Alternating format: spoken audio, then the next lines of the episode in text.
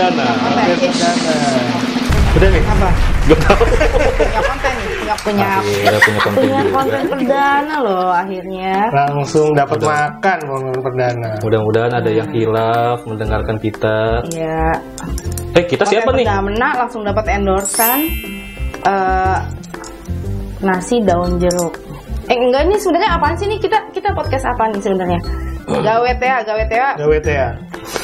gawenya T-Rex, Ernie sama Afif. Ini emang Ini kan makan. ini podcast gawe teh emang podcast di jam makan siang Hmm. yang ngobrolnya nggak jelas. Hmm. Jadi ya udah ngobrol aja, gue mau makan. lu lu lu, eh, kita suka ini gak sih lihat tetangga yang kagak pernah kagak pernah ngantong tapi tau tau tau renovasi rumah, tau beli mobil. Nah, itu gua. Kalau itu pesugihan. Enggak, ini sekalian juga mau mengklarifikasi ya. Kalau misalkan teman, tetangga, saudara ngelihat, Gue baca doa dulu. oke. Dah? Dah dah dah dah dah. Tadi sampai mana? Oh, ya, tetangga pada ya. ikut diem aja. Tetangga ya? Lu juga pada Tetangga. baca doa. Eh, tangga gue kan sering bilang, si Afif kerjanya apaan sih? Kagak jelas banget.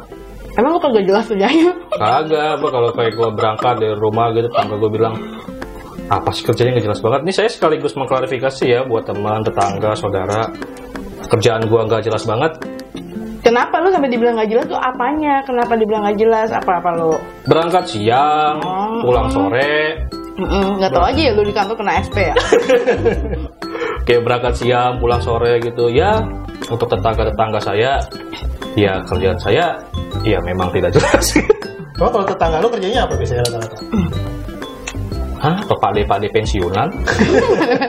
Gitu. ya? yang lebih tidak jelas gitu. Iya. Eh, oh jangan. Oh gitu ya, gitu ya. Orang tua lu kualat. Ya hobinya ngomongin orang ya. Mm-mm. Ini bocah berangkat siang. Iya, Ibunya kagak nyuruh kerja apa, ntar pulang-pulang udah subuh gitu. nyiram tanaman, mandiin ikan. Masih nih. Jadi sebenarnya kerjaan lu apa, Pip?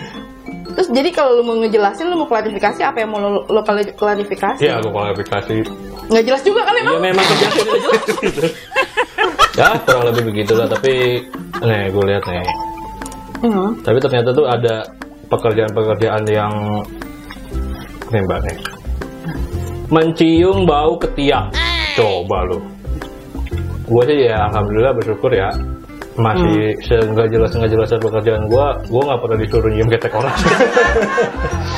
Pekerjaan aneh ini dibutuhkan oleh perusahaan deodoran. Pasalnya mereka mencari pegawai yang mau untuk mencium ketiak seorang tuh coba. Tapi itu gaji Dibayar loh. bayar ya Hmm. mereka bisa harus mencium 60 ketiak dalam sejam Ya lu jangan suka menjudge orang. Ah. Kerjaannya nggak jelas, nggak penting. Eh, gitu-gitu dia menghasilkan, men. Agak gaji tukang cium ketiak ini bisa mencapai 56 juta per bulan Uh, Lah, mereka kan ada yang tahu nanti ke depannya mungkin ini jadi gede gitu kan. Ini ada lagi nih, daun jeruknya enak. Kerjaan pembeda jenis kelamin ayam. Dari mana tahu? pembeda, pekerjaan teraneh yaitu pembeda kelamin ayam. Gimana ya? Ayam tuh Terus gunanya tahu kelaminnya buat apaan ya? Kan kita kalau makan makan aja, nggak tahu itu cewek atau cowok. Tapi lu Apa bener. ada rasanya beda? Lu baca yang bener ini ayam apa nih? Ya bener ya ayam ini ayam itik. Eh ayam itik ayam unggas pak. Pekerjaan bertujuan untuk menghasilkan telur makan betina dan jantan harus dipisahkan. Karena ayam betina yang dibutuhkan ya iyalah kita tahu pak. Ada lagi pencium bau kentut.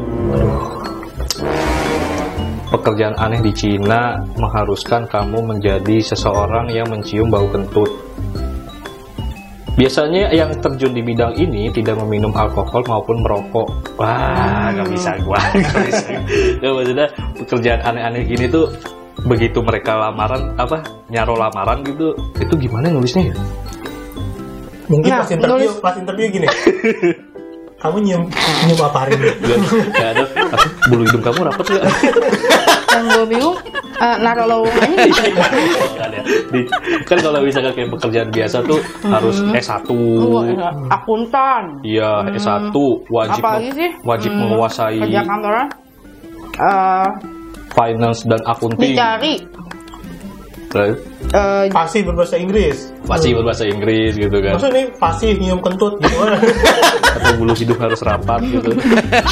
Jadi kita nggak tahu loh. Gua rasa sih ini bakal gede sih pak. Tapi itu kan di luar negeri. Kalau di sini apa ya? Ada nggak ya kayak begitu maksud gua? gue rasa ada sih kayak di R&D R&D gitu, cuma kita nggak tahu aja ya. Pabrik-pabrik apa di produsennya itu. Hmm. Kayak misalkan kayak di perusahaan kopi gitu. Mereka buat ngebedain kopi ini kan kadang-kadang kopi ada kan macam-macam kan. Hmm. Ada kopi dari Lampung, kopi Hmm. dari mana gitu. Hmm. Apakah mereka nge-hire orang yang bisa ngebedain itu gitu? Ada, ada karena kan kayak coffee expert juga tahu dari jenis kopi kan cuma dari cium gitu kan. Kalau kalau kita orang awam ya kopi, kopi ya udah kopi gitu. Kalau mereka kan kayak dicium, oh ini kopi Aceh, kopi Gayo gitu. Soalnya kadang-kadang kan ya mungkin sekarang kan orang lagi lagi udah lumayan aware gitu ini Hmm. kopi kopi dari mana kopi dari Hmm. mana kayak gini kadang bahkan kadang-kadang ke coffee shop gitu ada aja orang yang kalau gue sih ngeliatnya kayak orang Nora ya gitu Kopi expert baru. merasa expert atau Ya. merasa ngerti gitu Ya. gitu minum wah tingkat keasamannya segini nih wah ini acidity acidity keasaman ya pokoknya bahasa bahasa kopi gitu deh maksud gua. Ini orang beneran ngerti apa so tau doang gitu. Ada sekolahnya juga kali. Apa yang orang-orang emang kan mungkin kalau mungkin orang kalau emang itu passionnya ya Nah, mungkin jadinya dia emang jadi dalemin kayak gitu loh. Maksudnya ini apa sih? Jadi jadi pengen tahu ya kayak lo, lo pada aja aja lo hobinya apa sih kalau kan hobinya emang gak ngapa-ngapain jadi gue iya. iya. sebenarnya hobinya emang gak ngapa-ngapain jadi gue kagak tahu Hobi nggak punya, Oh. passion nggak ada gitu. hobinya gue nggak perlu mempelajari apa-apa pokoknya Eh, eh, Hmm, makan siang aja ya udah makan aja pokoknya Hmm. enak. Hobi gue makan siang nih. Um, hobi gue makan siang dapat kiriman kayak gini. Gue nggak perlu tahu makanannya ininya apaan. ya tadi yang gue bilang apa kagak kagak pernah kelihatan pergi ke kantor di rumah aja atau tahu beli mobil bangun rumah lah. Hmm? ini lu pikir ini kerjaan kayak gini? Apa nih nasi daun jeruk? Nasi daun jeruk apa nasi daun jeruk? Nasi daun jeruk. Thank you. nasi daun jeruk thank you. Kasih dan jeruk thank you. nah ini usaha kuliner yang rumahan gini kan? Hmm. ibu-ibu sekarang aja jangan lu pikir di rumah aja kagak ngapa-ngapain. Oh iya paling ya ngurus anak nontonin drakor kagak men. Mereka tuh apa malah bisa menghasilkan dari rumah yang gajinya tuh ya kalau lu habis cuma buat ongkos aja dia malah omsetnya gila-gilaan. Kayak ibu-ibu warung yang kalau kata teman kita apa dia mah jualan cuma hobi. Kagak. Untung. Ada hobi dan dia jadi untung. Tapi itu loh maksudnya kayak bisnis bisnis makanan begini hmm?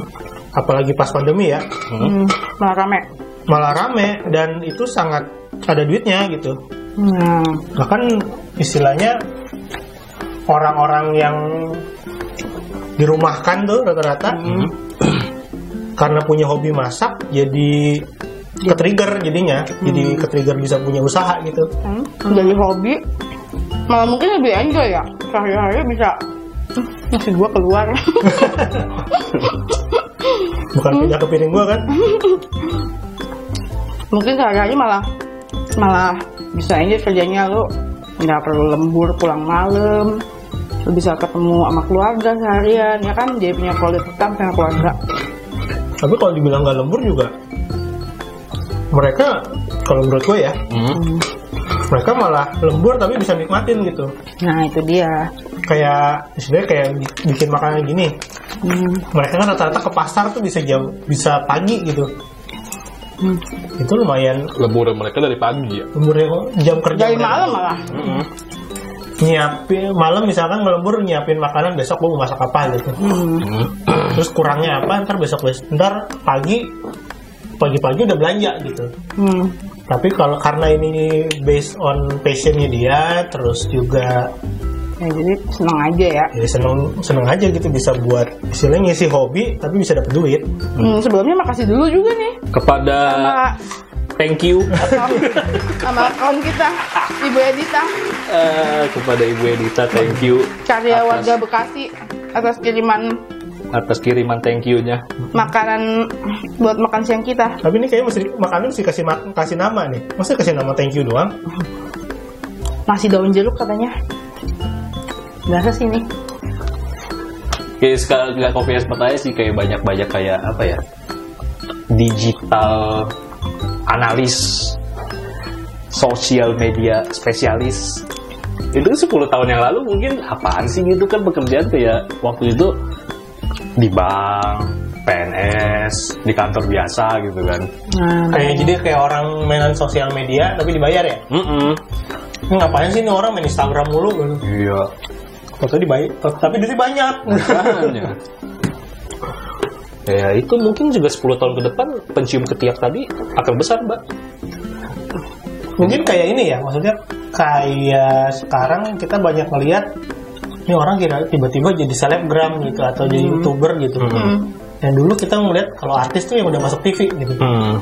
atau artis tuh yang kita udah pernah denger lagunya atau Iya. main film atau keluar di acara pagi-pagi gitu Hmm, butuh proses casting segala macam gitu kan sekarang kan sekarang tiba-tiba banyak artis yang yang apa datangnya ya? dari sosial media. iya gitu Nggak- nggak- dari mana gitu tapi kok tiba-tiba dia terkenal gitu Ya itulah pekerjaan.